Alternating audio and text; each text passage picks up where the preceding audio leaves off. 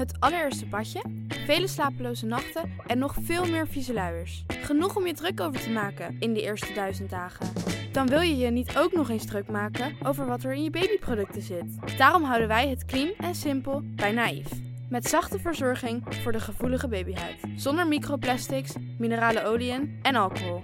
Zo zorgen we niet alleen voor je baby, maar ook de wereld die ze hun thuis noemen. Voor your baby's baby's baby dus. Naïef. Dit programma wordt mede mogelijk gemaakt door Toto.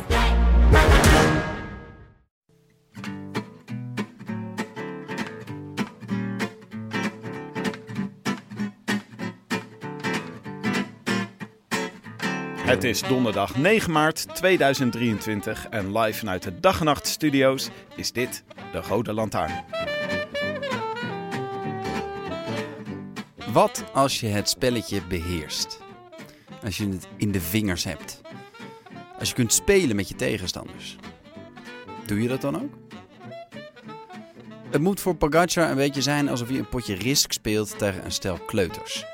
Europa heeft hij al, en Noord-Amerika. En Zuid-Amerika ligt voor het oprapen. Maar één van die kleuters, die met geel speelt, heeft allemaal legers opgebouwd in Australië. En het lijkt hem gewoon leuk om daar gehakt van te maken. Voor de gein wacht hij nog even tot de kleuter in kwestie wat kaarten inwisselt voor extra legers. En dan valt hij aan en vernietigt in één doldrieste aanval alle gele frutseltjes op het bord. En neemt zijn zoveelste continent in. Als je het spelletje beheerst, hoe lang is het dan nog leuk? Om naar te kijken? Nog wel even. Pogacar knalde de slotklim op als een pingelende Messi in zijn hoogtijdagen. En zolang Poggi Azië nog niet heeft veroverd en Afrika, is er nog wel wat te beleven. Bovendien is de opdracht om het spel echt te winnen het veroveren van de gele trui in de Tour de France. En trouwens, die kleuters worden ook ouder en leren van hun fouten. Vingegaard zal waarschijnlijk niet nog eens aanvallen op een slotklim die gemaakt is voor Pogacar. Maar goed, dat maakt het leuk. Een beetje tegenstand is wel lekker. Dat houdt je fris, scherp. Anders is er weinig aan als je het spelletje zo beheerst als Pogacar wielrennen.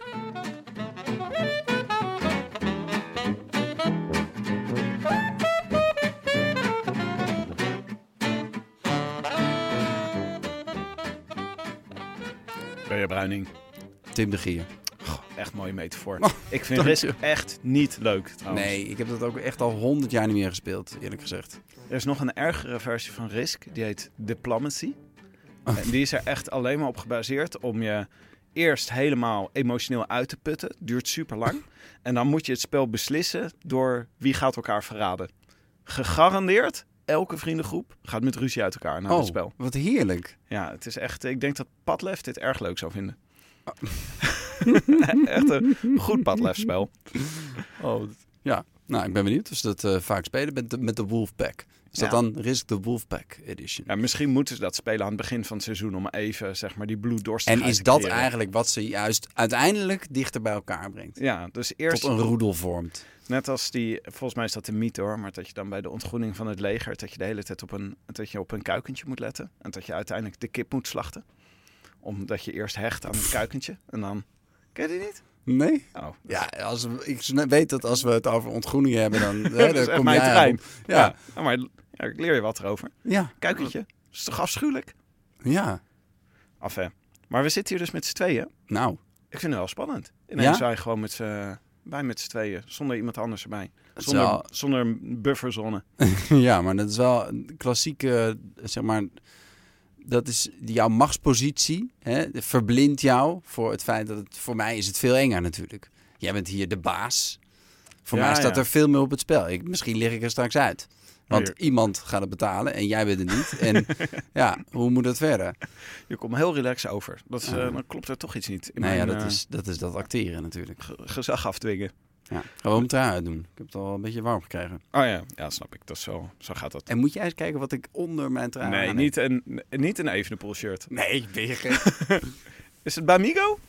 Oh, oh, dat ziet er luchtig uit, Het is mijn enige Bamigo shirt. Ik heb, ik heb de, de afdankertjes gekregen van jullie. Ja? Ja, Oh. het, het schijnt dat Jonne deze al eh, vier maanden aan heeft gehad. En heel vaak gewassen en hij is nog steeds zacht. Oh ja, die, Overigens maken wij geen reclame voor, want ze betalen niet voor deze aflevering, ja toch? maar Jonne die neemt, alle, die neemt het hele, de hele collectie de hele tijd mee naar huis. Dat is Ja. echt eh, vreselijk. Ja. Maar over Jonne gesproken, die zit dus voor de tweede keer dit jaar op een berg op skis. Men zit hier niet voor de derde keer dit jaar op een berg op Is skis. derde keer? Ah, het zou me niks verbazen. Maar de geruchten gingen hier dat hij eh, gevlucht is. Dat hij eigenlijk helemaal deze vakantie niet gepland had. Maar hij staat zo laag in zijn gigabyte ranking. Dat hij dacht, ik maak me uit de voeten. Klopt dit? Kun je dit bevestigen? Ik kan het zeker niet ontkennen. Maar ik moet wel bekennen dat ik ook reden zou, hebben, zou kunnen hebben om te vluchten. Ik zou ook kunnen gaan skiën. Oh, Bea. Als we het Wat over dan? een gigabyte ranking hebben. Ja? Nou ja, het gaat, het gaat, het gaat niet. Wij, wij zijn te druk met de podcast hè, om, eh, om ons eh, druk te maken over ons. eh, Och, onze reputaties. Maar een gigabyte is toch het soort diplomacy van de wielerspellen? waar Oh, je echt, eh, zeker. Zonder meer, absoluut. maar waarin je gewoon elke koers moet weer eh, moet, eh, moet, goed moet voorspellen om mee te doen? Eh, ja, ja, want elke, elke koers is van belang, ja. Je kan niet eh, je er met een Jantje van Leiden van afmaken en denken dat de GP Jean-Pierre Montserrat er eigenlijk niet toe doet. En wat, waar ga jij dan zo nat op? Wie heb jij dan meegenomen waarvan je dacht, die gaat het allemaal voor me doen? Eh, God, wie is mijn, mijn grootste, mijn grootste eh, faalhaas? Ehm, Nathan Haas. nou, ik had wel gedacht dat, dat Michael Matthews had ik wel even down under willen zien winnen. Ja. Maar die kreeg een, eh, een defect. Kijk, dus dat is het ook. Hè. Je moet ook een beetje, beetje eh, mazzel hebben. Hij kreeg in de klim, in een van de beslissende klimmen, kreeg hij een lekker band. Of hij had iets, nee, zijn ketting liep vast of zo. Ja. Ja, en vervolgens... eh, ja, dat is eh, waar natuurlijk. Maar ja, we kunnen niet elke keer als jullie het goed hebben zeggen... Goh, wat goed gezien van mezelf. En dan als het slecht gaat zeggen... Ja, de koers, hè, je kan ook weer je fiets afwaaien. Kan je ook niks aan doen. Nee, precies. Dus daarom, daarom begin ik niet over Gigabyte. Oh ja, oh ja, pardon. Sorry. Hoe gaat het met je theatertour? Is het eh, voor de luisteraars die dit niet weten? Want ik, heb, ik spreek je weinig. Je zat in de afleveringen steeds met andere mensen. Ja, dat klopt wel, ja. En eh ja, ja, was met een succesvolle tour bezig, waarin je een uh, trapeze act deed. En daarmee heb je jezelf eh, achter de coulissen geslingerd, zo ongeveer. Uh, ja, ja, ja, ik ben natuurlijk ook dompteur. En uh, nou, op een gegeven moment, drie tijgers ging nog, maar vier tijgers was een beetje veel van het goede. Uh, nee, ja, ik ben, uh, nou ja, dat weten de meeste mensen misschien wel gevallen op mijn achterhoofd. Maar in ieder geval, ik heb nog één voorstelling, één inhaalvoorstelling uh, te gaan. Ah. 15 maart in Woerden. Woerden. Er zijn, zijn nog, er nog kaarten. kaarten? Ja, ja, zeker. Ja. Hoe uh, is dat weer bij? Uh, ja, dan word je doorgelinkt naar de, naar de, de oeh, nou, je kan beter naar op het klooster in Woerden. Het klooster. Daar is, daar is, daar is de voorstelling te zien. In het klooster. Het dat klooster, zo heet het theater. Leuk, Hartstikke leuk. Ja. Maaike zit hiernaast, uh, ja. in een studio verderop. Die is ook met haar eigen. Iedereen doet maar dingetjes en zo. Nou, hè? het ja. is maar dit, dat. Maaike is met uh, de, een podcast bezig, een true crime podcast. Over kroongetuigen. In Nederland maken we dus heel veel gebruik van kroongetuigen. En deze podcast. Meer heet... dan in andere landen? Ja. Oh, echt? Ja, wij denken echt, uh, dit is een hele goede manier om, om grote misdadigers op te pakken. Door en je ziet dus bijna geen criminaliteit in dit, in dit land. In ja. ieder geval niet, geen drugscriminaliteit, zeg maar. Ja, het gaat op een heleboel manieren gaat het met pieken en dalen. En daar maakt Mike een podcast over samen met Marjan Huske, die de luisteraars misschien kennen van de Willem podcast. Ja, ik niet, maar... Oh, ja, ja, ja ben je geen true crime man? Uh, nee, nee, ik ben van de fictie, hè? Oh ja, maar dat, oh ja, dus niet true crime, zeg ja, maar. exact. Fictional crime, dat wel, dat vind je wel leuk. Crime. Ja, ja, ja. Dat, Als het maar alsof is. Ja, oh, precies. Hartverwarmend eigenlijk. Eigenlijk wel, toch? Ja, nee, maar ik vind, uh, ik, uh, ik snap het wel.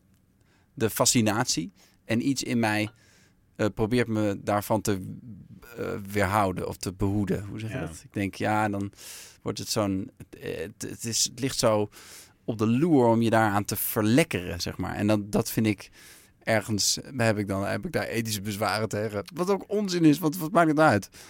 Nee, um, maar dit, ja, nee, maar dit is serieus zo. Dit, ik vind het ook altijd bezwaarlijk. Uh, heel veel mensen zijn begonnen met podcasten door Serial. Dat is een heel leuke ja. true crime podcast. Of heel interessante, meeslepende true crime podcast. Maar op een gegeven moment hadden de podcastmakers hadden dus echt besloten van... eh, nou, deze vriend van de verdachte, die is de echte moordenaar. Hm. Dan gingen ze gewoon bij me aanbellen. Gewoon met de microfoon en eh, Oh ja, echt ja. fascinerend om naar te luisteren. Maar toch dat je een beetje denkt, dit is niet helemaal hoe de rechtsstaat zou moeten werken. Nee, nee, nee, nee, nee. En dat heb ik best wel vaak met True Crime podcasts. Maar niet met deze van Maaike, toch? Nee, Maaike maakt, eh, het is echt mooie, goede journalistiek, zoals eh, ons Maaike betaamt natuurlijk. Hè. Oh, oké. die, is dat, eh, die doet het niet zomaar, eh, die gaat niet zomaar bij iemand aanbellen. Nee. Althans, zeg ik nu wel, maar het komt volgende week uit. Dus misschien in de aflevering 1, ding dong. Ja, dat zou toch wel pijnlijk zijn. Maar, ja. Enfin, dus eh, dat is Maaike aan het doen. hoe, Ehm, maar hoe heet dat? Dat hebben we nu nog niet wie gezegd. praat, die slaapt. Wie praat, die slaapt. Volgens mij komt die donderdag uit. Ongelukkig Dus precies over een eh, week. titel voor een podcast misschien, hè? Maar ja, wie luistert, die slaapt zou nog wel erger zijn natuurlijk. Oh ja. Als je hem verkeerd interpreteert, Ja. dan denken ze... Ja, nee, ik snap wat je bedoelt. Nee, maar het gaat over de getuigen natuurlijk. hey, en hier staat ook in het documentje. Hoe is het met jou, Tim? Oh ja, oh, nou wat leuk dat je het vraagt, Benja. Jij beklaagde jezelf over het hebben van wallen.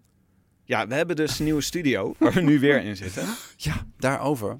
Op welke stoel zit ik nu? Vraag mij eens op welke stoel ik nu zit. Benja, aan welke stoel zit je nu? Nou, op de stoel waar gisteren nog Tom Dumoulin zat. Ja, dit is dus echt... Hij was hier dus gisteren met Mark Tuitert. Ja, En ik blijf toch Tom Dumoulin gewoon... Dit is de grootste wielrenner van onze...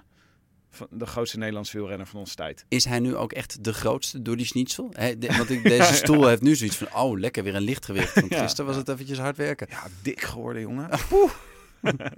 Ja, in studio 2 past maar net. Pas net. Nee, hij was dus bij Mark Tuitert. En eh, ik kwam binnen. En toen moest ik gelijk een vergadering in. En ik zag al uit mijn ooghoek, heb ik hem voorbij zien lopen. Mhm. Toen dacht ik, ik ga even een praatje met hem maken. Ja.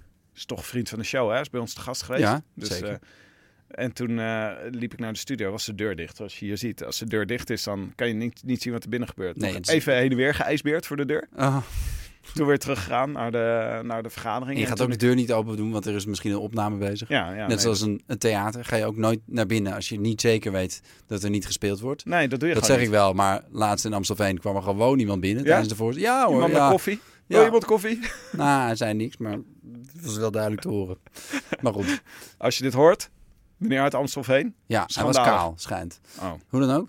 Ehm, vertel verder. Dus, Ja, en toen dus- ben je met hangende pootjes... Nou ja, helaas heb ik hem niet getroffen. Ah, Ik zag wel Mark Tuiter nog lopen, maar ja, wat doe je dan met eh, Ja. Mark Tuiter, hè? Als je wat heeft die naam kan gepresteerd? Olympisch goud. Ja, nee, dat is ook, het is een ontzettend leuke gast is dat. En ehm, hij heeft een podcast, heet Drive. Ja. En daar zal Tom dan eh, binnenkort in. Hoezo is, dat, hoezo zit Tom daar? Die heeft toch geen drive meer? drive. Misschien gaat het over het zoeken naar Drive. Of, Hoe ben je hem kwijtgeraakt? ja, hoe ben ik er kwijt? Ja. Ik had hem ooit, maar ik heb hem niet meer. Nee, ik maak nu grapjes, maar dat is natuurlijk echt interessant. Het- Interessanter bijna, misschien, dan, eh, dan eh, de succes, de, alleen maar de succesverhalen. Maar misschien ging het over zijn succesdagen, dat weet ik ook niet. Maar ja, Ja. als je het hebt over drive, dan is er ook een onderdeel daarvan het niet hebben van drive. En hoe je dan weer misschien terug de drive terug kunt vinden. Ja, ik ben wel benieuwd. Ehm, ik hoorde in de wandelgangen dat hij eh, veel eh, te zien zal zijn op tv.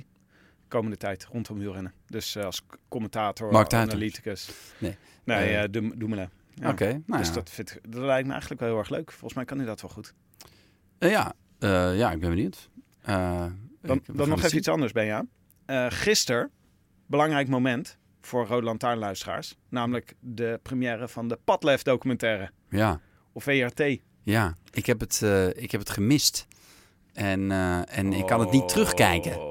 Hoezo kan je het niet terugkijken? Nee, dat is heel raar. De Belgen kan je niet terugkijken. Ja. Nou, Dat is, eh, ja. boe. ja, dat is volgens mij een van de redenen waarom je dan een abonnementje moet nemen. Dan mag je terugkijken. Dat is een van de Op perks. de die je- VRT. Of, Ja, je kan dus VRT-abonnement nemen.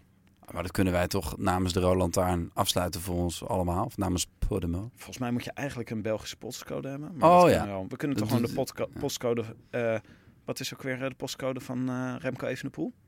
Oh ja, 1753. 90210. ja, dat kan er gewoon invoeren. Zullen we dat allemaal doen? Ja, Iedereen die dit hoort, aanmelden bij VRT Plus. allemaal die postcode van Evenepoel gebruiken. Oh, het goed. Ja. Maar eh, nee, ja, eh, hij wa- was echt een lach en een traan. Was Ja? echt, eh, hij, ging wel, hij was heel strak gemonteerd. Schitterende rol voor Bram Tankink. Echt waar? Ja, die vertelde over dat hij geblesseerd was en toen ging backpacken in Peru. En terugkwam en eigenlijk nog steeds geblesseerd was. nou, Padlef zei, ga nou eerst maar beter worden en niet meer op vakantie gaan als je geblesseerd bent. Ja. belachelijk Dat was, een- was ter illustratie van hoe eh, scherp Padlef iedereen houdt. Ah, ja. En dan bij Bram Tankink aankomen. Die zijn agenda niet eens op orde heeft. Maar goed, het is niet gelukt. Bij Bram Tankink is het niet gelukt. En bij anderen is ja, het wel bij anderen is wel Ja, gelukt. ja. Nee, iedereen was echt eh, best wel lovend over hem. Maar dat is ook, ja, als je dan daarop ondervraagd wordt. eh alle Philippe en Padlef in zeg maar gewoon beelden waarin ze gefilmd werden. Ja, Koekenij. koekenij. Eh, maar wat wel aangrijpend was, was gewoon... Er zat best wel lange passage in over ehm, Fabio Jacobsen. En zijn val in Polen. Ja, dat was wel echt. Het was weer, weer heel aangrijpend. Het was echt eh brok in je keel kijken. Ook omdat iedereen er ook gewoon weer geëmotioneerd van raakte die Mm. erover geïnterviewd werd.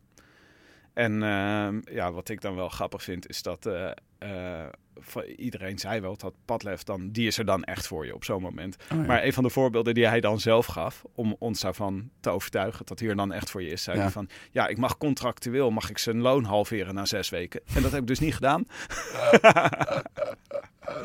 Oh, wat een held. Jeetje. En, en hij klopt zichzelf daar dus Ja. over op de borst. Ja, dus ik zou het altijd proberen iemand anders dit te laten vertellen. Dat ja, maar als niemand aanraden. het doet, Ja, als niemand het doet, dan moet je het zelf maar doen. Nou, natuurlijk de, edit, de eerste edit van de, van de documentaire gezien en gedacht, hè, maar komt niemand nou met het verhaal aan dat ik hem gewoon heb doorbetaald? Gewoon heb doorbetaald. Ondanks het feit dat hij niks voor me opbracht. Ja, maar als je er ook over nadenkt, stel je voor dat hij het wel had gedaan. Na zes weken zijn loon gehalveerd. Dat was echt toch de hele wereld over hem heen gevallen. Ik bedoel, Ja. dat was echt... Dan, had, dan was Jaco- team Jacobsen en zijn omgeving, die was daar echt wel over, eh, had daar echt wel de media over opgezocht. Ja. Dus het is ook niet eens een heel sterk voorbeeld. En volgens mij is een, de persoonlijke factor van Padlef, die echt voor zijn renners staat als ze het moeilijk hebben, die is gewoon, die, die is gewoon evident. Dat hoef, dat hoef je niet te zeggen. Ik heb hem doorbetaald. Nee, dat hij voor zijn eigen renners opkomt, ja, dat, dat eh, wil ik wel geloven. Ja. Ja. Ja. En het was ook wel leuk dat de teamarts, die zei ook van... eh, ja, soms heeft hij wel echt het hart op de tong liggen en slaat hij daar een beetje in door. Ja? En dan, ik weet niet hoe die letterlijk zijn, maar het kwam op neer. Dan is het ook wel eens een beetje gênant. Ja? Ja, eh, misschien zijn er nog beelden van. Ja, ik, nou ja, we kennen genoeg voorbeelden natuurlijk. Maar de, de full padlef krijgen we. De, Oh. Het zijn nog meer delen. Volgens mij vana- vanavond, nee, ik was aan het zoeken. Vanavond om, eh, weet ik veel, half zeven of zo, eh, is, eh, wordt die herhaald. Wat ik Dus een het vreemde hoort, op donderdag. gang van zaken vind. Ja, nee, de, de Belgen. dat je gewoon de volgende dag op primetime het eh, herhaalt. Ja, op primetime. Ja. Op primetime doe je geen herhaling, is de regel, toch? Dat is Nou, niet Dat zou ik niet doen, denk ik. Maar ja, weet ik veel. Ik ga er niet voor of na buren. nee. Maar, eh. Naast buren. Eh, de Vuelta's zijn er wildcards voor uitgedeeld. Nog iets opvallends? Eh, nou ja, eh, eh, wel lotto, lotto, totaal. Lotto totaal. Lotto en Totaal. Ja, precies. En eh Burgos Beatje en Cajaruro. Ja, Zijn dus een beetje- Spaanse ploegen. Ja, hè? maar geen Euskaltel bijvoorbeeld. En ja, je hebt nog zo van die eh, Spaanse Equipo Kern Pharma bijvoorbeeld. Waren er vorig jaar volgens mij wel bij. Eh, maar ook geen, eh geen Froome. Oh, Bibi's bejaardentehuis. Ja. niet, is niet welkom. Niet in Benidorm neerstrijken, deze... Terwijl dat juist een plek is waarvan je zou zeggen... Snap je? Ja, daar horen ze helemaal. Ja. Nee, het Oh, is... Want Froome heeft toch een mooie, wat is het? Twintigste plek bij elkaar gereden in Rwanda. Nou, volgens mij heeft hij die niet weten vast te houden helaas. Maar het niveau is daar natuurlijk echt... Ik zag een stijgende lijn, dacht ik. eh, nee, Hij is uiteindelijk, nee, 24ste geworden. nou, maar wel geen 18 top in 20. het bergklassement. 18 in de top 20 bergklassement. Nou ja, goed. Ja, dan zie je toch waar zijn kracht ligt, hè. Ja, het is een stijgende lijn. Ja, god. ah. Eh, meer goed nieuws. Eh, de dead heat bestaat. We hebben het er natuurlijk over Nou. gehad. Onze oplossing was dat ze eh, bij gelijke finish... dat ze dan een andere krachtmeting Ja, moesten dat doen. was niet eens onze oplossing. Dat, dat in de Lantern Rouge podcast had dat gevonden in de statuten van de UCI. Ik hoorde nu dat iemand, een renner, had gezegd dat, het, dat de UCI, het- UCI het heeft afgeschaft. Misschien kan iemand hier even een deep dive doen in de... Ik kan niet googlen, ik weet In niet. de dat- dead heat. Ja, is, bestaat die nou? Is het nou een, een regel die nog van kracht is of niet? Maar in ieder geval is er dus op Sportza er was een, eh, was een eh, filmpje te zien van Serge Baguette en eh Wil- Wilfried Nelis- Nelissen. Die Serge bij Belgisch... Baguette? Serge Baguette. ja, Oké. ken je die niet? Eh, die, die waren eh, ja, die waren tegelijk over de finish gekomen. Al is ook geen foto van te zien overigens. Maar goed, op de beelden... wa- Er was geen uitstuitsel te geven kennelijk. En die hebben dus toen één kilometer tegen elkaar gereden. Oh ja. Het bestaat. Het is gebeurd En in toen het was de nummer drie was al binnen. Ja, ja, precies. Dus dan maar een typisch Belgische oplossing, hè, zei de voice-over. Een spurt over één kilometer. Glenn Huybrechts was een half uur eerder al derde geworden. Snapt u het nog? Heel zure voice-over, vond ik dat. Die had er echt geen zin in. 86, ja. Die vond het geen goeie. Die zat gewoon misschien nog op het spoor van eh, wasmachines gooien na afloop. Nou ja, nou goed, dat is misschien ook wel nog spectaculairder. Maar ja, ik, ik, ja, het zou... En we hebben dus dit seizoen al drie keer gehad dat er eigenlijk geen winnaar aan te wijzen is. Dat we, er zijn ons drie death heats Ja. ontnomen. En daar zit zoveel potentiële plezier zit erin. Geef ons dat gewoon. Want we gaan het zo meteen hebben over de ploegentijdrit in, eh, in Parijs-Nice. En verzin is wat leuks. Dan maakt het gelijk weer super interessant om naar te kijken. Ja, wat, wat vond je van het eh, experiment? Nee, wacht. Nog even voordat we naar Parijs-Nice gaan. Want ik wilde nog even zeggen. 1 april, hè? Gent. Oh, Ja, eh dat is de vooravond van de Ronde van Vlaanderen. Staan wij in de voormalige vooruit te Gent. Nu de 404. mhm. En er zijn nog kaarten. Dus eh, wil je luisteren naar ons en een zeer uitgebreide voorbeschouwing van de Ronde van Vlaanderen. Helemaal even in dat sfeertje van het voorjaar komen ben je. ja. Nou ja, Misschien doen we ook wel tegen die tijd zit iedereen al helemaal in het sfeertje van het voorjaar. Want het is ook nog eens hartstikke lekker weer dan, altijd. Ja, het wordt het voorjaar, hè? lekker. En dan gaan we met z'n allen biertje, bries. lekker biertje drinken na afloop, bibberend buiten. En eh, misschien doen we ook nog wel Renate in de konijnenpijp na. Het wordt echt fantastisch. Of doet hij het zelf? Of doet hij het zelf? Of we bouwen een konijnenpijp. En iedereen mag daarin zijn beste Renaat eh, tegen horen brengen. We hebben ook gasten trouwens dit keer. Maar daar kom ik later op terug. Die hou ik even als cliffhanger. Oh. Goed? Ja, zeker. Oké. Leuk, ik laat- heb wel heel veel zin in. Ook in, eh, in de rit er naartoe. Want dan gaan we natuurlijk in de... Eh, Attila Volter. Ja, sorry. Ik moest wel even opgaan. Oh.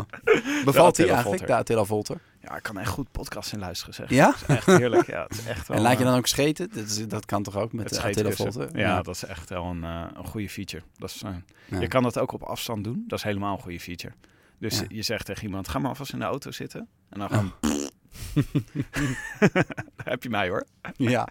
En je kinderen ook waarschijnlijk. Ja, mijn kinderen vinden dat echt heel leuk. Ja, dat zat er dik in. Maar ben ja, ik ben eh, dus wel weer totaal in de war. Want twee rittenkoersen Dat is moeilijk voor jou. van een week Ja. tegelijk. Ja. Ik moet dus gewoon elke keer, denk ik, zit ik naar de ploeg tijdrit te kijken. Denk, waar zit Roglic? Zit hij niet. Zit hij niet? Ja. Hij is gelost. Hij is gelost. Hij is gelost, is Roglic gelost. Maar dus Tirreno Adriatico, van de ene zee naar de andere. Ja. En Parijs-Nice, tegelijk deze week. De rit naar de zon. Waar geniet je het meeste van? Nou, vroeger altijd Tirreno eigenlijk. Ehm, omdat ik toen nog te weinig van wielrennen begreep. En ik dacht altijd Parijs-Nice. Dan dacht ik, ja, maar ja, weet je, dan zijn er weer waaiers. En dan ligt de helft van het peloton is opeens weer kansloos. Dat vond ik dan niet Ja. eerlijk. Oh ja? Terwijl het is natuurlijk een de, de winnaar van Parijs-Nice. Als je Parijs-Nice wil winnen, dan moet je echt een complete renner zijn. Je kan niet zeggen van, joh, ik kan hartstikke goed klimmen, dus ik kan deze koers winnen. Of ik kan heel goed tijd rijden. Of ik kan heel goed waaiers rijden. Je moet het echt allemaal kunnen. Het is echt een miniatuur Tour de France. hè?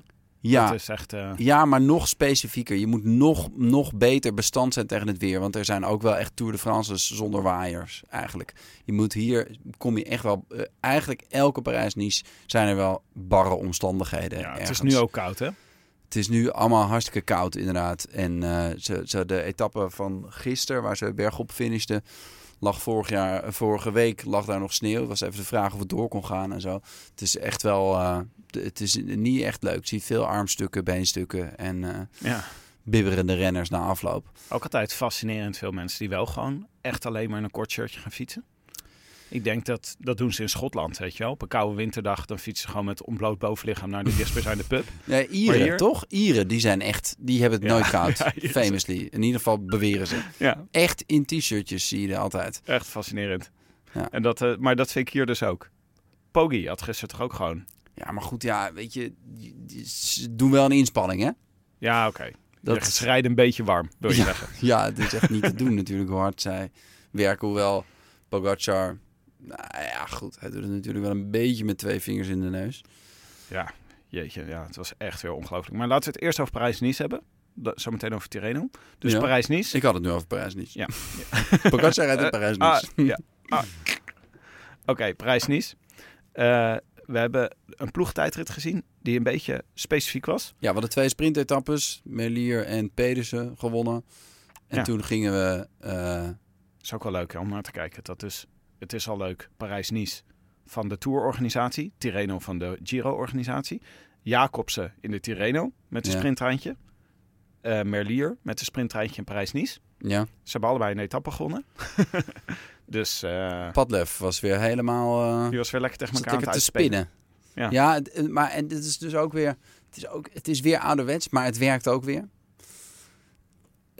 Hij speelt ze inderdaad tegen elkaar uit. In die zin, hij, laat, hij zegt niet... die gaat naar de Tour en die niet. Hij zegt, ja, we gaan gewoon kijken wie er, wie er het beste is. Ja, En ja, ze winnen allebei een etappe. Dus ze leggen elkaar het vuur aan de schenen. En ja, misschien, je kunt stellen dat ze... Hè, misschien als je zou zeggen tegen Jacobs van... joh, jij gaat sowieso naar de Tour. Misschien zou hij dan nu niet zijn ritjes winnen. Ik ken weinig sprinters die, die, zich ritjes laten eh, ontzeggen. Maar goed, eh, wie weet. ja Zou maar ja, het, eh, Padlef zie je wel ook in de documentaire heel erg als een, een soort straightforward tough guy. Ja, Dus hij is wel gewoon, als je dus vierde wordt en je komt de ploegbus binnen, zegt hij, ja, met vierde geworden, hè? was niet veel. dat, is gewoon, dat is gewoon hoe het is bij Padlef. Het is Ja. gewoon, als je slecht bent, dan zegt hij de hele tijd tegen je, je bent slecht. ja, Maar als je goed bent, zegt hij ook tegen je, dat was goed. je bent goed. Maar volgende week moet je weer goed Volgende zijn. Want anders kom je in de column. Gewoon harde opvoeding. Ja, En eh, dat, is, dat zie je ook al gewoon in de hele... terug in zijn kinderen, of niet? Ja, hij is, ah, dat zijn- zijn kinderen die... eh, begint een beetje moeilijk te kijken. Ja, dat is wel leuk. Je, had dus, je hebt Dieter. En Dieter? Dieter, is een soort... Nou, Hoe zou Jonne Jo- dit zeggen? Jonne noemde het. Jonne noemde het direct een halve tamme. Dieter Guido, eh, nog Ja. wat. Eh Piebe Pieter Guido. Eh, ja, die noemde die ook al gelijk halve tamme. Maar deze ook, dus Dieter. Dat was zijn ene zomer. Het is inderdaad een soort lachspiegel van Padlef. Hij lijkt best wel op Padlef. maar nog net iets Maar extremer. heel dik. Oh nee. Zijn mondhoeken staan zo eh, naar beneden. Oh. Ja, dat kan je dan gewoon hebben. En dan ziet het er gewoon net een beetje sip uit. Maar volgens Ja. mij was hij juist wel een beetje de, eh, het ge- gezellige type. Die eh, het allemaal niet al te nauw nam met de regels. Dan had hij een andere zoon, die was iets introverter en iets netter. Thomas, volgens mij, heette die. Maar je merkte wel, je zag al in die documentaire dat zeg maar, de vader-zoon relatie was wel eh, een eh, issue daar. Dat, was, dat hing ook de hele tijd. Ja? Die, ik vond ook dat Dieter, die kwam ook niet altijd even gunstig vanaf. Als, eh, als zijn vader daarover... Nee? die zegt dan ook gewoon... Ja, Dieter, ja, daar krijg je een afspraak mee maken. Ja, hij was wel de eerstgeboren zoon. Maar ja, volgende week is hij, is hij weer niet op de eerste plek. En dan Nee, dat is gewoon... ja, moet het volgende week weer laten zien. dat je het als kind elke week moet laten zien. Ja. Maar eh, de ploegtijdrit was wel leuk om even over te, over te hebben. Want Dat was dus- een noviteit. Ja, 32 kilometer. En de regel was nu... eh, iedereen krijgt gewoon zijn eigen tijd. Dus niet meer eh, als groepje. Normaal geldt de tijd van de vierde renner. Ja. In dit soort aantallen. Ja, er dus dan moet je echt in een groepje naar de finish rijden. Maar Ja. nu kon je dus bijvoorbeeld de tactiek doen, die wel voor de hand lag, is om in het laatste stukje je kopman een soort lead-out te geven. Ja. Dat hadden ze dan ook allemaal bedacht. Ja. Dat eh, leverde wel weer leuke nieuwe tafereelen op. Behalve bijvoorbeeld eh, FTG, of hoe heten die mensen? Groupama. Eh, die hadden dan, want Gaudu die kan natuurlijk niet hard genoeg over, dat, over die vlakke banen. Ja.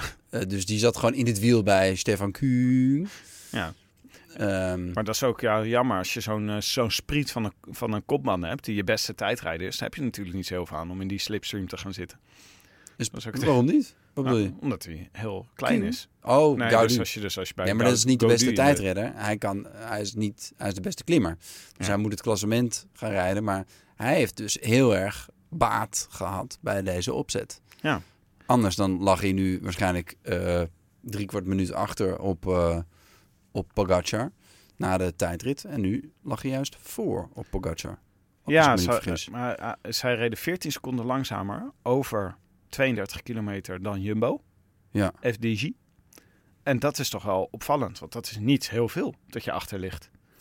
En Jumbo had namelijk echt een tijdrijdersploeg bij zich. Daar zaten echt een paar, daar zat Dennis zat erbij, een Affini zat erbij. En ehm, eh, hoe heet die? ehm, Tratnik, Vingegaard, ja. Van Hooijdonk, eh, Vos. Vos. Ook maar wereldkampioen Ook maar de tijdrijden. wereldkampioen. En dit is dan de B-ploeg, zou je bijna zeggen. Nou, het is wel... ja, Wout van Aert en Roglic nog niet mee. Precies. Ik ben- ja, eh, eh, je zou kunnen zeggen, je had in de, in de Tirreno, we, we hoppen even naar, naar, naar Italië, had je ook een tijdrit, een openingstijdrit, individueel. Ook gewoon helemaal vlak, met één eh eh, rond punt op het eind. Ging, draaiden ze om, gingen ze weer terug. ja. Ehm, Overzichtelijk. ja, en eh, daarin eh, deed iedereen niet zoveel voor elkaar onder. Of toch wel wat verrassingen en zo. 10 seconden hier, 20 seconden daar. En toen kwam op het eind de torenhoge favoriet, Filippo Ganna. En die, ah, die vermorzelde gewoon de, de concurrentie. Echt, die stonden ja, niet op de foto, maar niet in het fotoboek gewoon. Dat was, hij reed er een halve minuut af van de snelste tijd. En dat is een beetje wat je bij Jumbo ook had verwacht, Ja. gehoopt. Dat ze toch wel echt, echt een, een flinke tik zouden uitdelen. En Vingegaard stond hartstikke vrolijk de pers te woord. En hij zei ook wel van, ja, we hadden misschien wel gehoopt op meer, maar we zijn in ieder geval hartstikke blij. En ze hebben ook de etappe gewonnen. Maar wel maar met één seconde voorsprong op IF. En ik denk dat ze eigenlijk inderdaad met, met deze opstelling, deze tijdrit, toch wel aan hun stand verplicht zouden zijn om hier meer verschil te maken. Ja, weet je nog, Parijs-Nice vorig jaar? Daar ging Jumbo toen echt met een soort Polonaise en met z'n allen de finish over. Toen waren ze echt super dominant. Ja, Toen, eh, maar Parijs-Nice is altijd een koers waarin je gewoon... Eigenlijk win je met eh 20 seconden voorsprong, weet je wel? Het of- één. Of 30 dat is seconden. ja. niet, niet zelden gebeurd dat, ze, eh, dat er een renner op één seconde de overwinning pakt. ja, dus ze had eigenlijk een beetje gedacht... met deze tijdrit, dan pakken ze gewoon een halve minuut op iedereen... en dan is het gedaan, Ja, Parijs-Nice. nou, Maar dat was dus niet zo. zo. Maar eh eh Pogacar die deed in zijn eentje ongeveer alles, hè? Bij die, eh, bij die UAE. Die heeft zoveel kopwerk gedaan. daar waaide, daar- die, die hadden meteen al in het begin eh waaide Grooschartner eraf. Ja. Maar letterlijk waaien, want dat was bij een bocht en, en eh, het ging net een beetje omhoog. En waarschijnlijk stond de wind net ongunstig. Zat hij opeens op een gaatje, moesten ze wachten op hem. Twee kilometer later moest Novak afhaken. En zij, zij hadden echt het verhaal van de tien kleine... God, hoe, hoe moet je dat? Dat mag helemaal niet meer, natuurlijk. Oompa Ja, precies. Kleine mensen zijn dat, toch? Ook geen mannetjes meer. Ehm, en die, die, die vielen echt één voor één af. In de laatste drie kilometer hadden ze nog maar drie mannetjes over. Waar de meeste ploegen eigenlijk pas echt een lead-out deden in de laatste anderhalve kilometer. Dat, dat je opeens zo per 200 meter een renner eraf zag waaien. Ja. En dan wil ik het nog wel even hebben over die eh, versnelling die Pogacar nog inzette. Nadat dus de laatste renner, wie was dat? Bjerg of iemand. Die, eh, die gaf over op een paar honderd meter voor de finish. En toen, ja. toen werd er een soort straalmotor aangezet. Ja, Ah, dat, dat is echt niet normaal hoe hard hij ging. Dat was, ja, Ik vergis me ook snel altijd een beetje bij Pogacar. Dat je denkt, in wat voor type tijdrit is hij eigenlijk nou het allerbest? Want we kennen hem allemaal van die tijdrit die gewoon bergop ging op het plankje van de mooie meisjes. Ja, Maar hij kan dus ook gewoon zo'n kracht, zo'n zo'n bul zijn op, zo'n, op een vlak stuk. ja. Dat deed hij hier ook gewoon. Hij kan gewoon Rammen gewoon. zulke wattages trappen. Dat is echt Ja. niet normaal. En eh, ja, dat, dat, nou ja. Eh, het, het is trouwens ook wel bedriegelijk, omdat je natuurlijk geen, ja, je hebt geen vergelijkingsmateriaal. Want als je, als je de aankomst, op de aankomst af zou moeten gaan, dan zou je ook denken dat ze bij Age d'Auxerre en Intermarché en nou, wat had je nog meer? Eh, eh, weet ik veel, Totaal Energie. Zou je denken, dit is een scherpe tijd. Want toen kwam Pierre Latour echt met zijn tong op zijn schoenen. Die hele felle laatste 200 meter nog.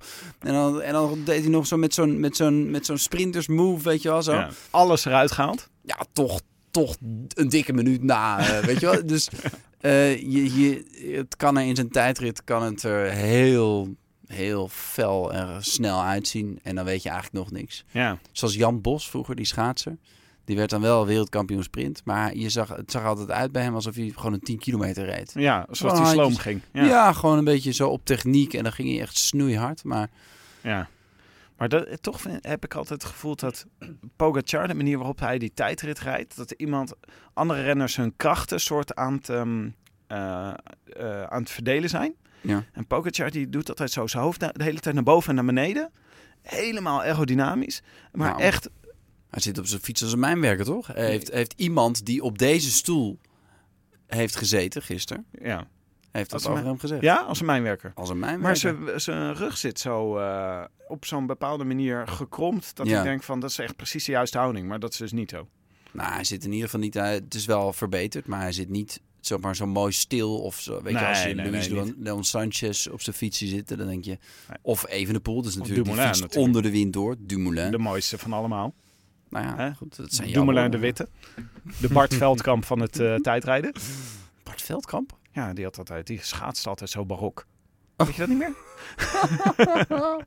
maar in ieder geval, Pogacar die ramt, die eet echt zo gewoon het parcours op, lijkt wel. Het is gewoon Ja, zeker. zo'n agressieve manier Ja, van klopt. tijdrijden. Ook die sprint. Nou goed, dan, dan, dan gaan we naar de, naar de etappe daarna. De aankomst bergop.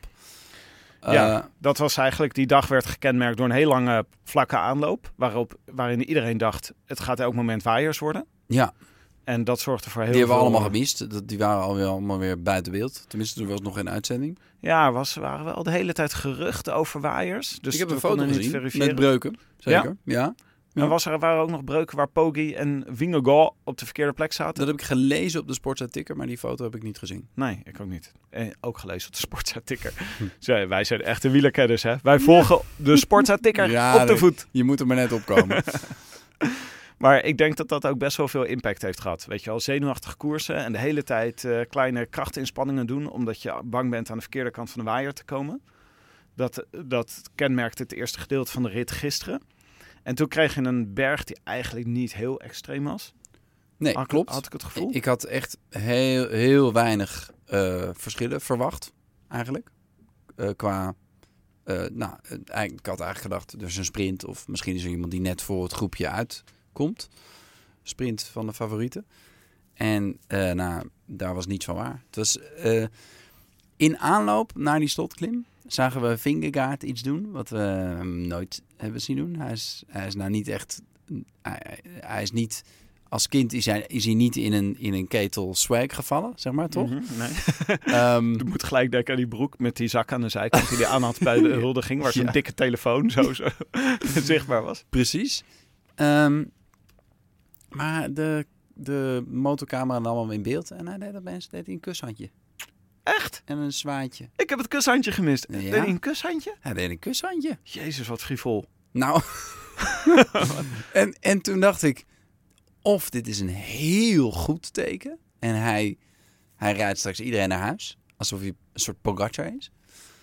Of het is een heel slecht teken. En hij, hij zit er helemaal niet goed in. En hij weet niet precies hoe hij zich moet gedragen. Dacht je dat op dat moment? Of denk je dat nu achteraf? Ik dacht dat op dat moment ook. Oh ja. Ehm, want hij, hij ging vervolgens ook aanvallen. Wat vreemd is. Op zo'n, want dit is, het, dit is het soort etappe dat Pogacar beter ligt dan Vingegaard. Vingegaard heeft, zoals we in de Tour hebben gezien, een hele harde koers nodig. Waarbij er dan een lange slotklim is eh, op hoogte. Dan kan hij Ja. Pogacar verslaan. En anders wordt het erg moeilijk. En Een beetje zonde om een cartouche te verschieten, zou je zeggen.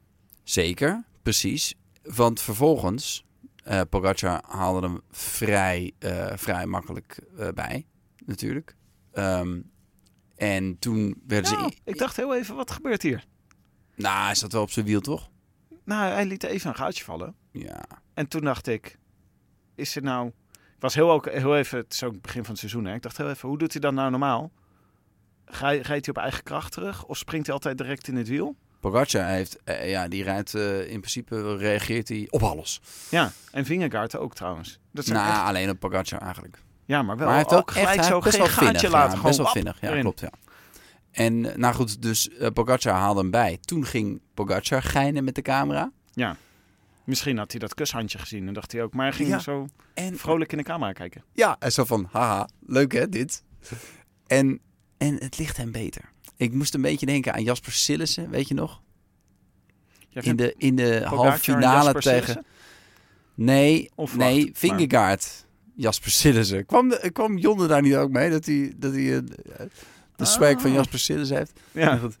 Ehm, ik moest denken aan, omdat in de, in de kwartfinale kwam Tim Krul erin. In het WK van 2014, 18, wat is het ook weer? Ik weet het niet meer. 14 volgens mij, ja.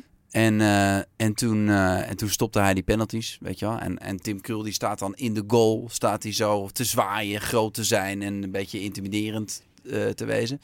En toen ging in de halve finale, was, daar geen, was er geen wisselmogelijkheid meer. En toen probeerde Sillissen dat ook een beetje. Oh ja, toen dacht je, dan, dan klopt het niet meer. Dan, en dan, dan probeer je iets wat je eigenlijk helemaal niet ligt. En al die penalties gingen er ook in. En dan is het extra lullig. En dat had ik nu ook een beetje bij Vingegaard. Ja, ik dacht, het is ook, Vingegaard is een beetje een stresskip. Hij komt gewoon een beetje gestrest over in de koers. En dan hoort dit soort frivoliteiten hoort er niet bij. ja, En Pogacar is ogenschijnlijk altijd vrolijk totaal en relaxed. relaxed. En ook als hij op drie minuten gereden wordt, is hij nog steeds van... Wow, hey, dit is echt vet, man. Ja, ja. Holy shit. Jezus, wat Heb een wedstrijd. Jongen, jongen, ik wat een mooie drie sport. minuten gereden. ja, het is wel echt zo. ja. En daarom, daarom kan je hem gewoon niet haten. Ja, maar hij heeft dit dus ook wel eens. eh, was het ook niet in eh Granon, eh, waar hij zo verloor, dat hij ook eerst had te ginnen gappen? Oeh. Ik heb het wel eens vaker gezien. Dat hij Ja, ging dat terwijl hij dan toch eraf Dat klopt. werd. Ja. Maar eh, ik interpreteerde de blik in de camera.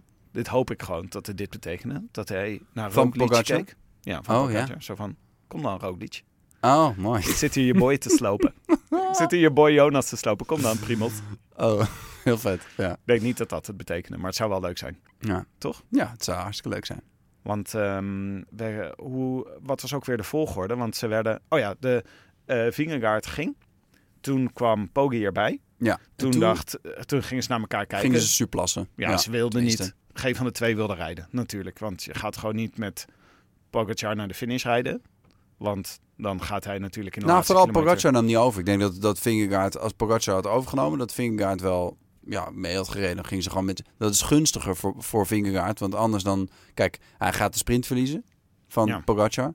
Maar in een groepje gaat hij ook de sprint verliezen van Pogacar. En dan pakt hij ook geen bonus van de tweede of de derde plek. Want die gaan dan ook naar andere renners. Dus hij wil liever alleen met Pogacar aankomen... dan in een groepje met Ja, maar hij Pogacar trapte niet door, toch, Vingegaard? Ik, ja, Nee, want ja, omdat, omdat Pogacar in zijn wiel zat Ja. en niet overnam. Ja, ja, precies. En toen zakten ze dus allebei terug. En precies op dat moment ging David Gaudu. Ja, die, pakte, die had een hele goede timing daar. Zag er goed uit. Ja, maar ja, hij is ook gewoon heel goed. Ja. Hij heeft ook echt ambities, volgens mij. Echt, eh, die denkt echt van, eh, dit gaat mijn jaar worden. Hij heeft met, eh, met de vuist of met, met zijn vuistje op tafel geslagen bij Groupama en heeft gezegd: ik wil een hele tourploeg om mij heen. Ja. En ik denk dat hij ook dat ik denk dat zijn prestatie van Mag vorig jaar. niet mee, zeker. Nee, precies. Daarom hebben ze beef met elkaar. Hebben ze ruzie? Ze hebben ruzie, ja. Want Oh. eh, ja, er waren, eh, er waren WhatsApp-gesprekken van Gaudu in een. Oh ja, in een- Die heb ik naar jou doorgestuurd. Ja. dat is waar ook, ja. Ehm, maar ehm, eh, ik denk dat hij ook vorig jaar in de Tour heeft willen bewijzen dat hij een hele ploeg nodig heeft. Door eigenlijk een stuk of vier, vijf etappes niet mee te kunnen zonder de hulp van Madouas. En ah, wie had hij nog meer toen? dat was zo goed. Die was heel goed. Madouas en, nee, Molar, nee. Mm, nou, maakt niet uit. Ehm, eh, hij heeft een hele ploeg Ik heb het nodig. belletje niet, maar ik doe wel even zo Oh, naar belletje. God. Maar gaat verder. En ehm, eh, hij heeft ook echt de, de hele ploeg nodig. Ik denk dat dat, dat, dat, eh, dat, dat, dat, dat klopt. Veel meer dan voor Pogacar eigenlijk. Ja, maar het is gewoon... Maar Gaudu heeft wel ook nodig dat Pogacar en Vingegaard uitvallen. En dan is het een kandidaat-winnaar. Ja, het is gewoon zijn tijdrit, hè, natuurlijk. Zo'n beetje een probleem. Ja, maar ook bergop gaat hij het afleggen tegen zowel Pogacar als Vingegaard in drie weken. Want dat is het vreemdste aan die move van... eh, van eh, Hij heeft Pinot natuurlijk. En Storer. ja, Sorry, be- belletje. De ploeg die hij vorig jaar bij zich had naar de Tour ja. was eh, Gaudu, Duche- Antoine Duchesne, Duchesne. Duchesne, Kevin Genier, Ja, Luxemburg. eh, Stefan Kuhn, Olivier Legac, Valentin Madouas, Thibaut Pinot en Michael Storer. Ja, volgens mij was dat Store die blij, bij hem bleef. Want die is eh, ook goed, hè? Maar die is altijd even niet, die is niet zo goed als twee jaar geleden. Maar, nee. maar goed, Ehm, ik vond ook dat... Ik, nou, ik vond ja, echt opvallend hoe goed hij mee kon. Godu, toch? Ja, zeker. Met en hij het haakte aan, want, want vervolgens, hij, hij reed dus voor het groepje uit. En toen ging Pogacar. En toen zat Vingegaard niet in het wiel. Nee, dat was en moest hij gek. er naartoe poefen. En dat lukte niet. Vingegaard. Ja, het zat gewoon te slapen. Of nou, hij was misschien even, omdat hij zelf gedemareerd was, even geen adem, kwam hij achter in het groepje terecht. Ja. Maar hij moest een gat gaan overbruggen. ja. En dit was gewoon eh, soeverein exploderen. Ja, Want hij en, ging hij, dat gat en het was mooi, want hij, want hij ging het gat dichtdraaien. En hij, hij kwam meter voor meter dichterbij. En toen dacht je, oh, oké, hij komt erbij.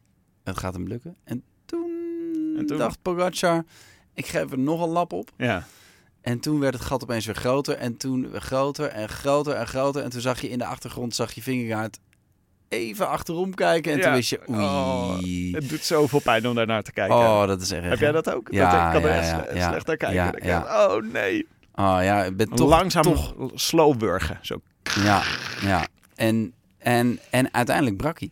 Want hij verliest 44 seconden, geloof ik. Hij komt na Parepintre en Vauquelin.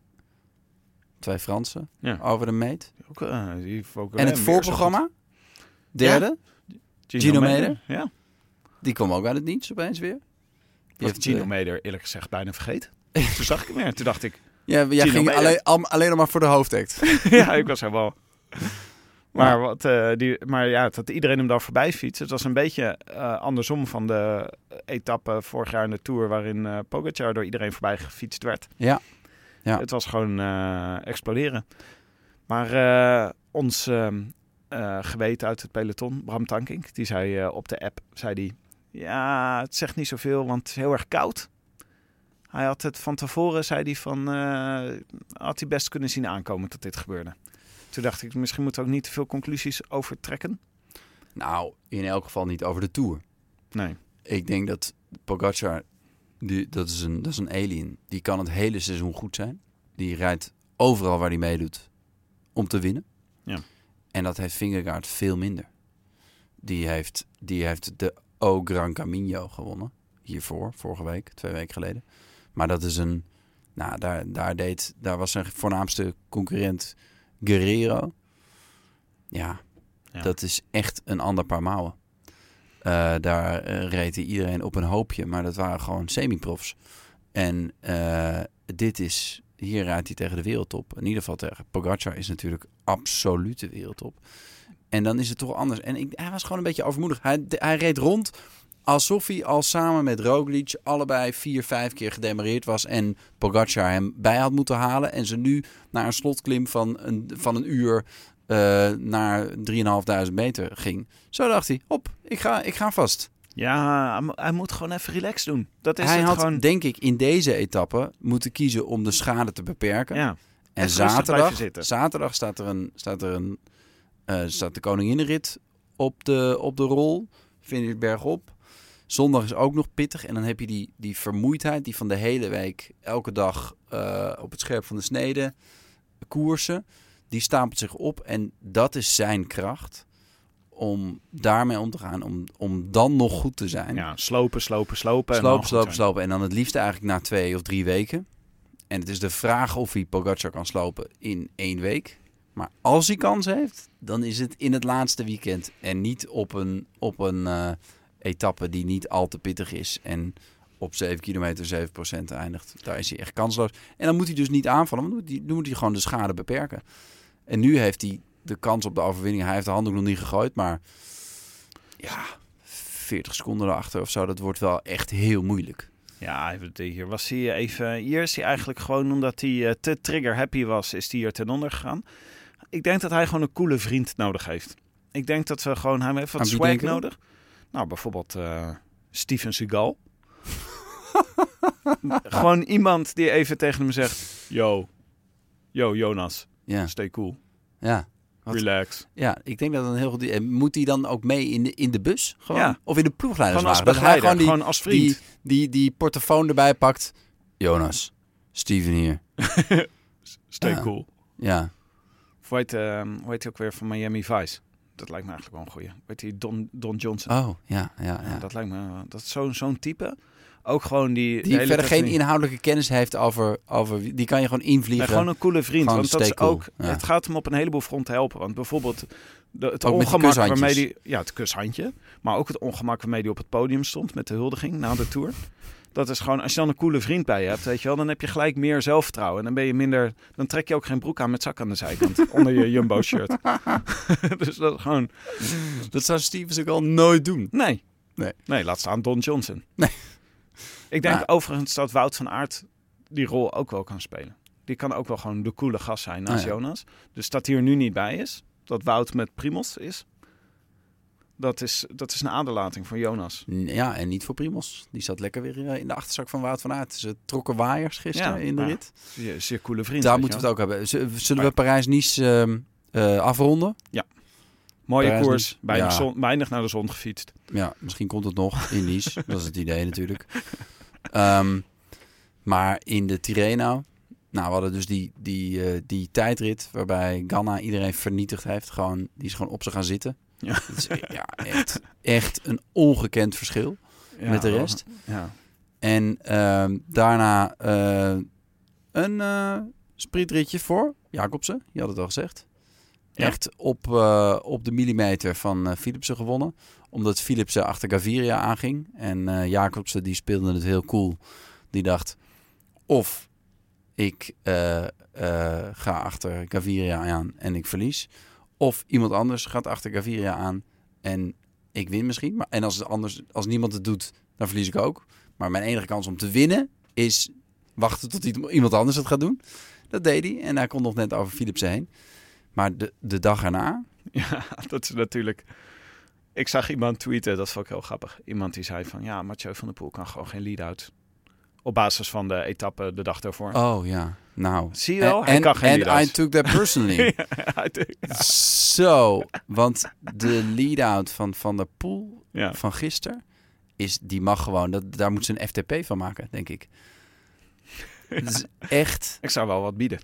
ja toch? Dat kun je, die kan je kopen toch? Kun Nou, je kan het, kopen? ik heb het echt een paar keer teruggekeken. Het is echt magistraal. Ten eerste, er waren waaiers. Eh, Jumbo trok een waaier.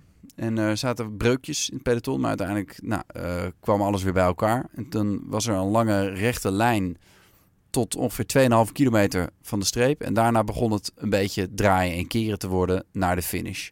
En dan was er nog een laatste rechte lijn van een meter of... eh, hmm, nou, kort, 150. Ja. Maar daar, ja, dus daarvoor was het een beetje, een beetje draaien en keren. En die, dat, dat 2,5 kilometer punt was dus cruciaal. Want als je daar eh, ja, op de twintigste plek rondrijdt, dan, dan kan je het eigenlijk al vergeten. Eh, en Philipsen, die zat echt nog in de buik van het peloton daarvoor.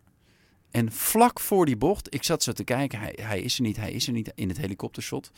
En in het volgende shot zag je weer van voren, van de, van de motor, zat hij opeens, zat hij opeens toch goed. Dacht ik, oh wat grappig, ik heb hem gemist. Dus keek ik later terug. Vlak voor die bocht komen er opeens twee donkerblauwe mannetjes in de binnenbocht. En dat is Philipsen die in het wiel van, eh, van de pool een man of dertig voorbij steekt. En nog in de binnenbocht hop erdoor gaat. En vervolgens eh, is er een bagrijnmannetje en een trekmannetje die doen nog een beurt. En op een meter of 500 van de finish neemt Van der Poel het over. En die rijdt eerst een soort, zeg maar, een soort sinkeldam. Dus hè, de, de, de, de man voor de lead-out. En daarna een Van Poppel. En die zet, die zet Philipsen af op ja, ongeveer iets meer dan 100 meter van de finish. En Philipsen die maakte er nog van alles van. Die trok aan zijn stuur en helemaal stampen op de pedalen. Maar Ja. als hij een beetje had geremd, dan was hij ook nog eerste Ja, geworden. het was echt. Was eh, echt niet maar Hij zei ook, schijnt eh, na afloop, zo makkelijk hoef je het ook weer niet te maken voor me tegen Van der Poel. Maar dat was echt een kunststukje. Ik heb wel eens, eh, je leest wel eens van die onderzoek hoeveel het dan scheelt. Hè? Als je achter iemand zit, 60% van je kracht. Het is Het ongelooflijk. is echt, scheelt echt zoveel voor de mensen die zelf niet in een sprintraadje hebben gereden. Ik kan me bijna niet voorstellen. Waar zijn mensen die dat nog nooit gedaan hebben? maar eh, dat is dus echt, scheelt je zo ontzettend veel. En als Wij gaan van straks op onze ritlies gaan we ook. Ja, we- Voor wie trekken we hem aan maar dan? do- door de stad gewoon naar huis. Overnemen, overnemen.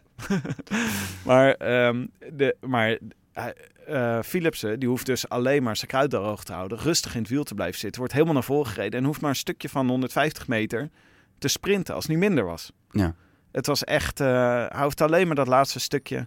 Toch kan ik er bij- met mijn hoofd bijna niet bij. Dat ik denk, als Mathieu van der Poel zo hard gaat rijden. Dan moet je in zijn wiel toch ook helemaal kapot gaan. Ik, Ik dat zou gewoon- wel kapot gaan dan, Ja. denk ik. Ja. dat ik weet dat het, dat het theoretisch dus zoveel kracht scheelt.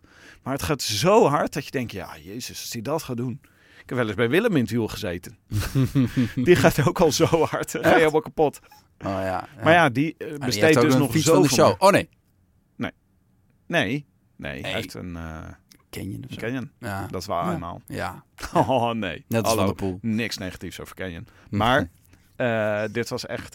ja, Philipsen, dit was in een zetel gebracht worden. Ja. Waar was Jacobsen? Was hij, heeft hij ze gewoon voorbij zien komen? Nou, die zat een beetje, die, had, die was eh, van Leerbergen kwijtgeraakt, denk ik. En eh, ehm, ik zat nu even te kijken of er iets met een, met een naald in een, in een van Leerbergen te, Ja. te, te vinden was. Maar Ja, ik laat deze gaan. maar... knip je eruit, toch? Jij Nee, doet, jij goed doet de edit vandaag. Ik denk wel dat we hier wat van kunnen maken.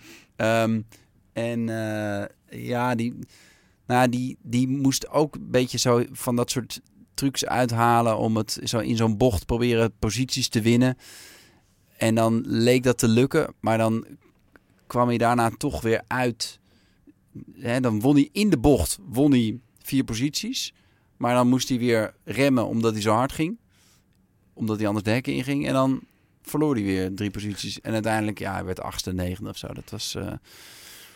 Maar wel mooi dat Mathieu van der Poel, die zegt dus voorafgaand aan de Tirreno Adriatico.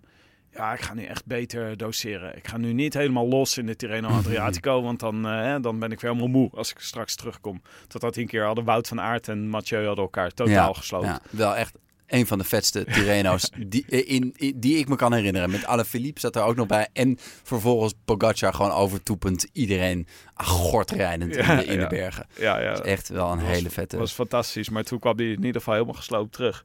En eh, nu mocht hij, ging hij dus beter doseren. Maar ik stel me zo voor hoe dat dan in zijn hoofd gaat. Dat ze dan tegen hem zeggen van... eh, hij heeft het gevoel dat hij gewoon in zijn hok moet blijven. En dat hij daar rustig mee aan het rijden is. En dan zegt ze, ga je anders de sprint aantrekken? Oké! Ah!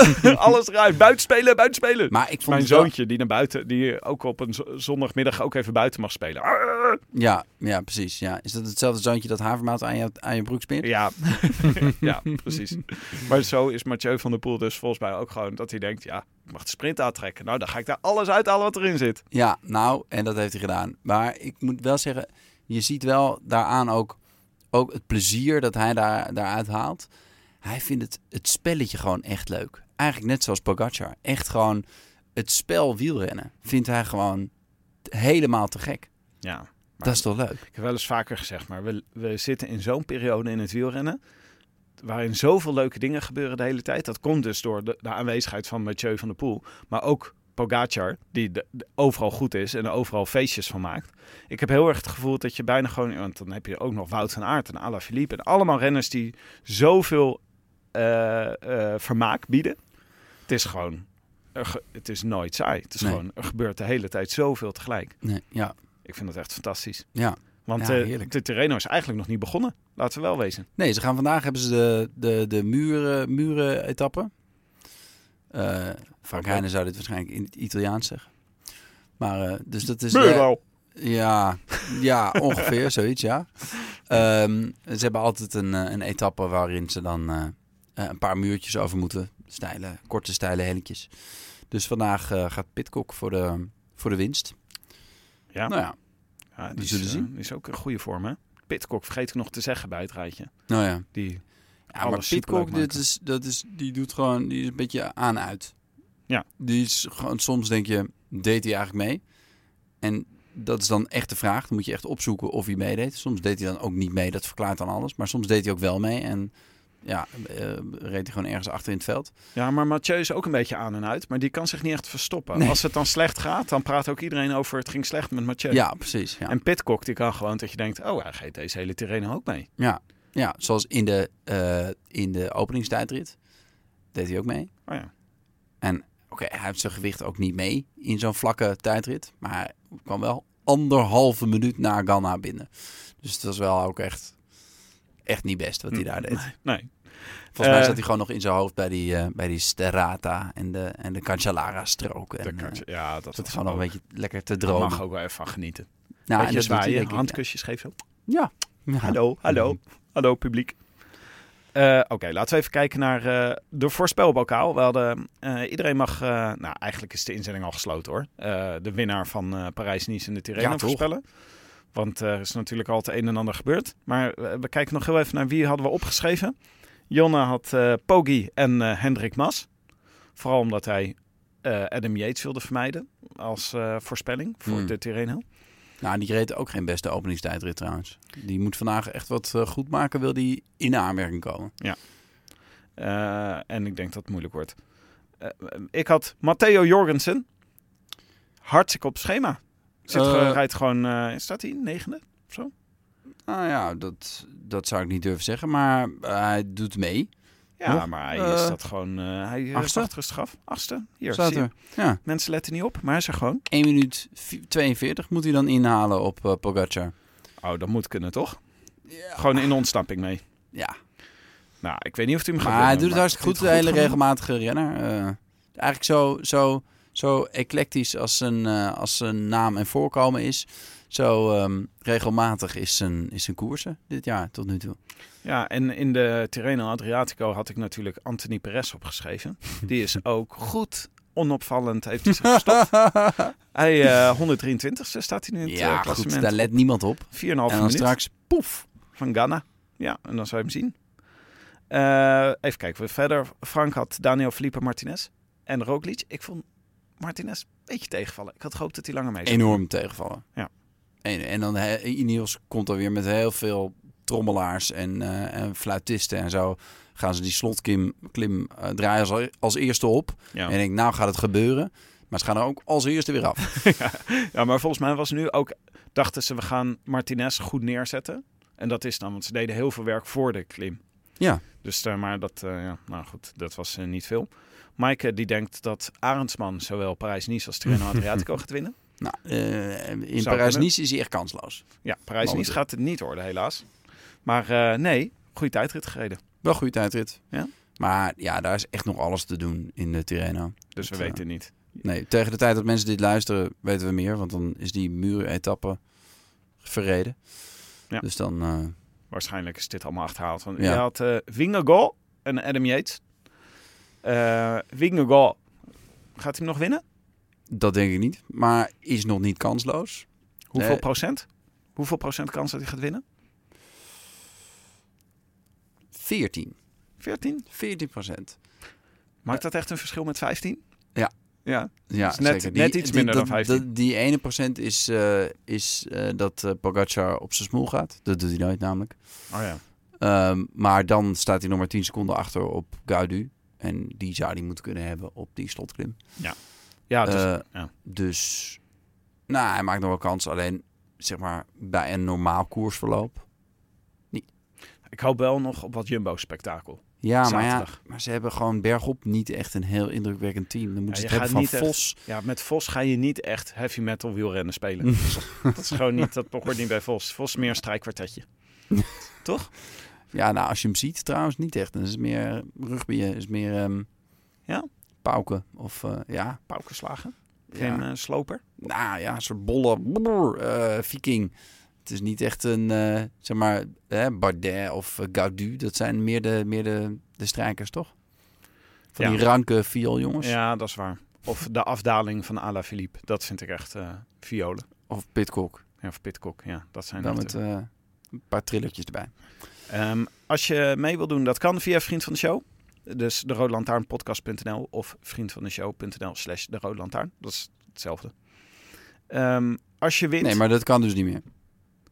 Ja, dat is waar. Mensen moeten niet op Vriend van nu, de Show nu stiekem nu, gaan eh, inzenden. Nee. Ja, daar ga ik op letten hoor, op Ja. de inzendingen. Eh, als je wint, maak je eh, kans op een pretpakket van BBB. Onze vrienden van BBB. En dan je Ja. bijvoorbeeld die mooie multitool ben je. Heb je Ja. hem al? Je moet hem gewoon aan Nee. je riem houden. nou ja, heb je hem altijd als je hem nodig hebt.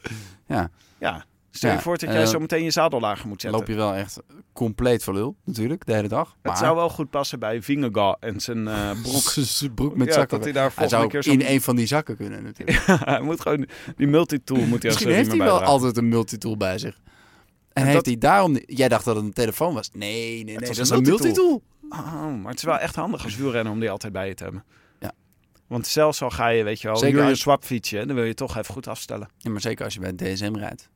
Kan je maar beter je eigen multitool bij je hebben. Kan je je zadel nog op de, op je, de op de gewenste hoogte zetten. Want zij gaan het niet voor je doen. nee. Iemand moet het doen. En DSM is het niet.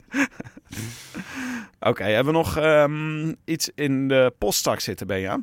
En, Nou, oh ja, Ja, een verzoek tot rectificatie van onder andere mij. Maar ook 100 miljoen luisteraars staat hier. Die hebben we niet. Maar eh Dylan Teuns zit natuurlijk niet bij Bahrein.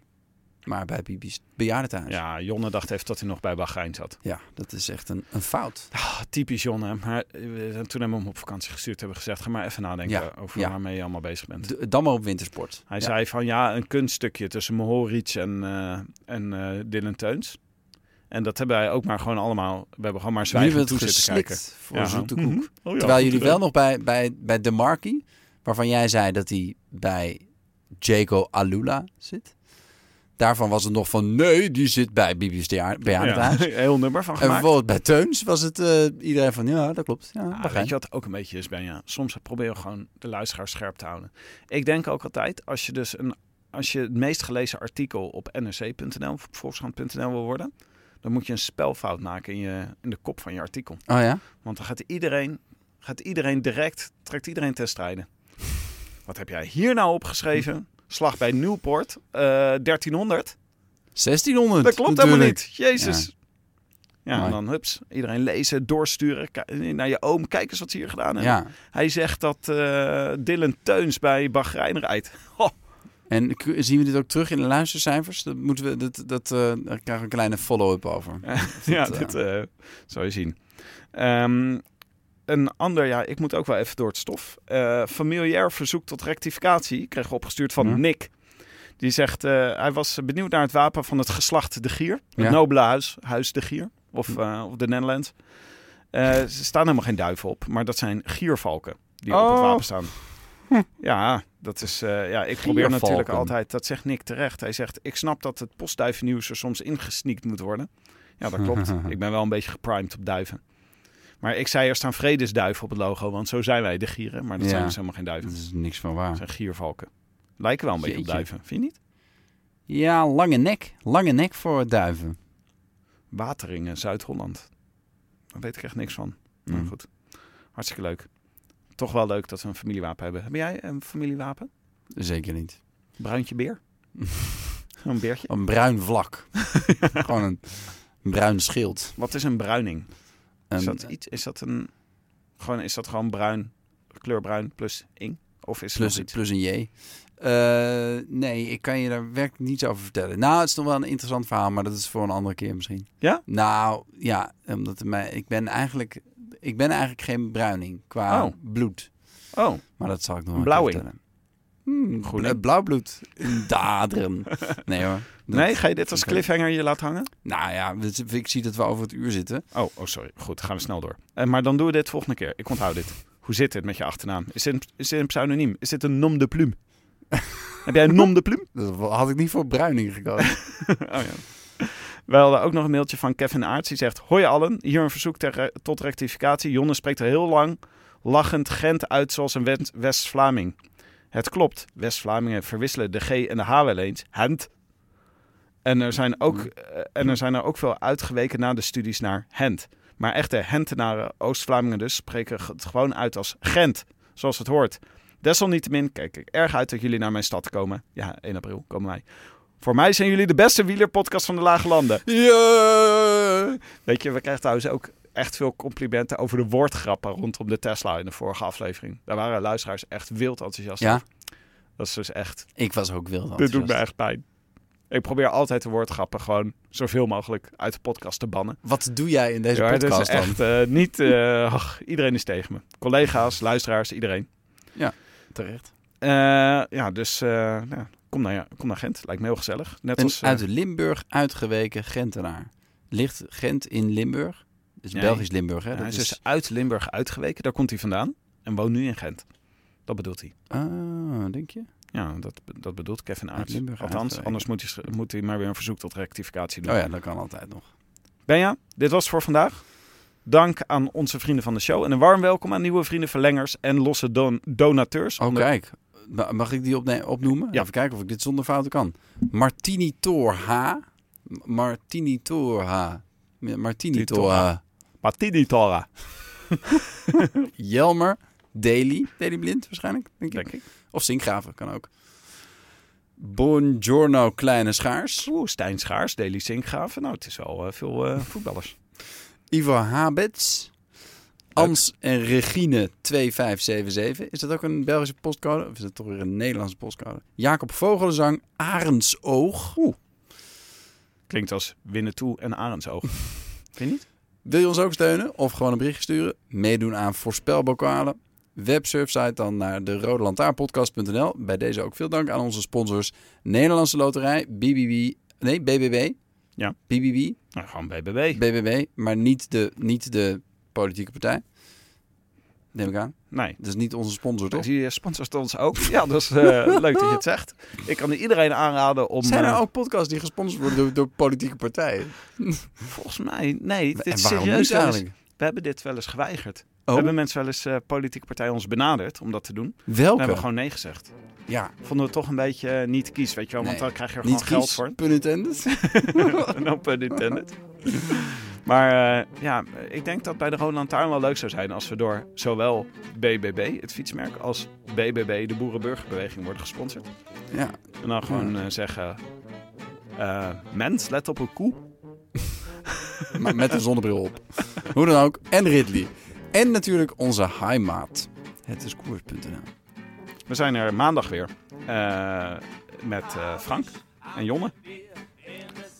Eh, ja, nou, als hij heel huis terugkomt. Tenminste. Ja. Ja. Nou, hij kan ook wat breken. En dan gewoon lekker met, een- met, een, met een gebroken polsje hier aanschuiven, toch? Hey, maar Benja, dit is geen stemadvies, hè? Wat ik net zei over BBB. Ik wil dat nog wel even rechtzetten. Net Zeker de niet. valreep? Dat neem ik aan. Nee. Oké. Af, hè? Ook geen negatief stemadvies. Nee, nee, gewoon volstrekt neutraal. A biento. could be in the south of France. In the south of France. Sitting right next to you.